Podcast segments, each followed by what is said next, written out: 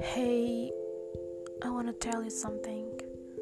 Right now, I don't want to think about other people, about their life, because I know they have their own journey for themselves, like getting married early, finding a good job, having a rich family, buying everything what they want, travel to the place that they want to travel, and other stuff.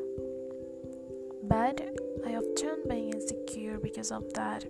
I don't know why.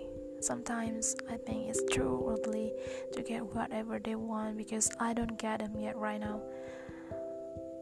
I'm not jealous because of their achievement actually. I'm just wondering how can they get a husband so early?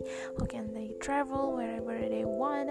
How can they get whatever they want in these ages? Even there are many people younger than me having a child and family. And yeah, that's all make me feel confused and feel like am I really late to do or to have that things? Yes. The answer is definitely yes, of course. Because that's all their destiny. You just have to believe you have your own time, you have your own destiny. Don't overthinking all the time. You must focus on yourself right now. Don't think really hard about life because Allah has planned all the great journey for you. So just wait for it.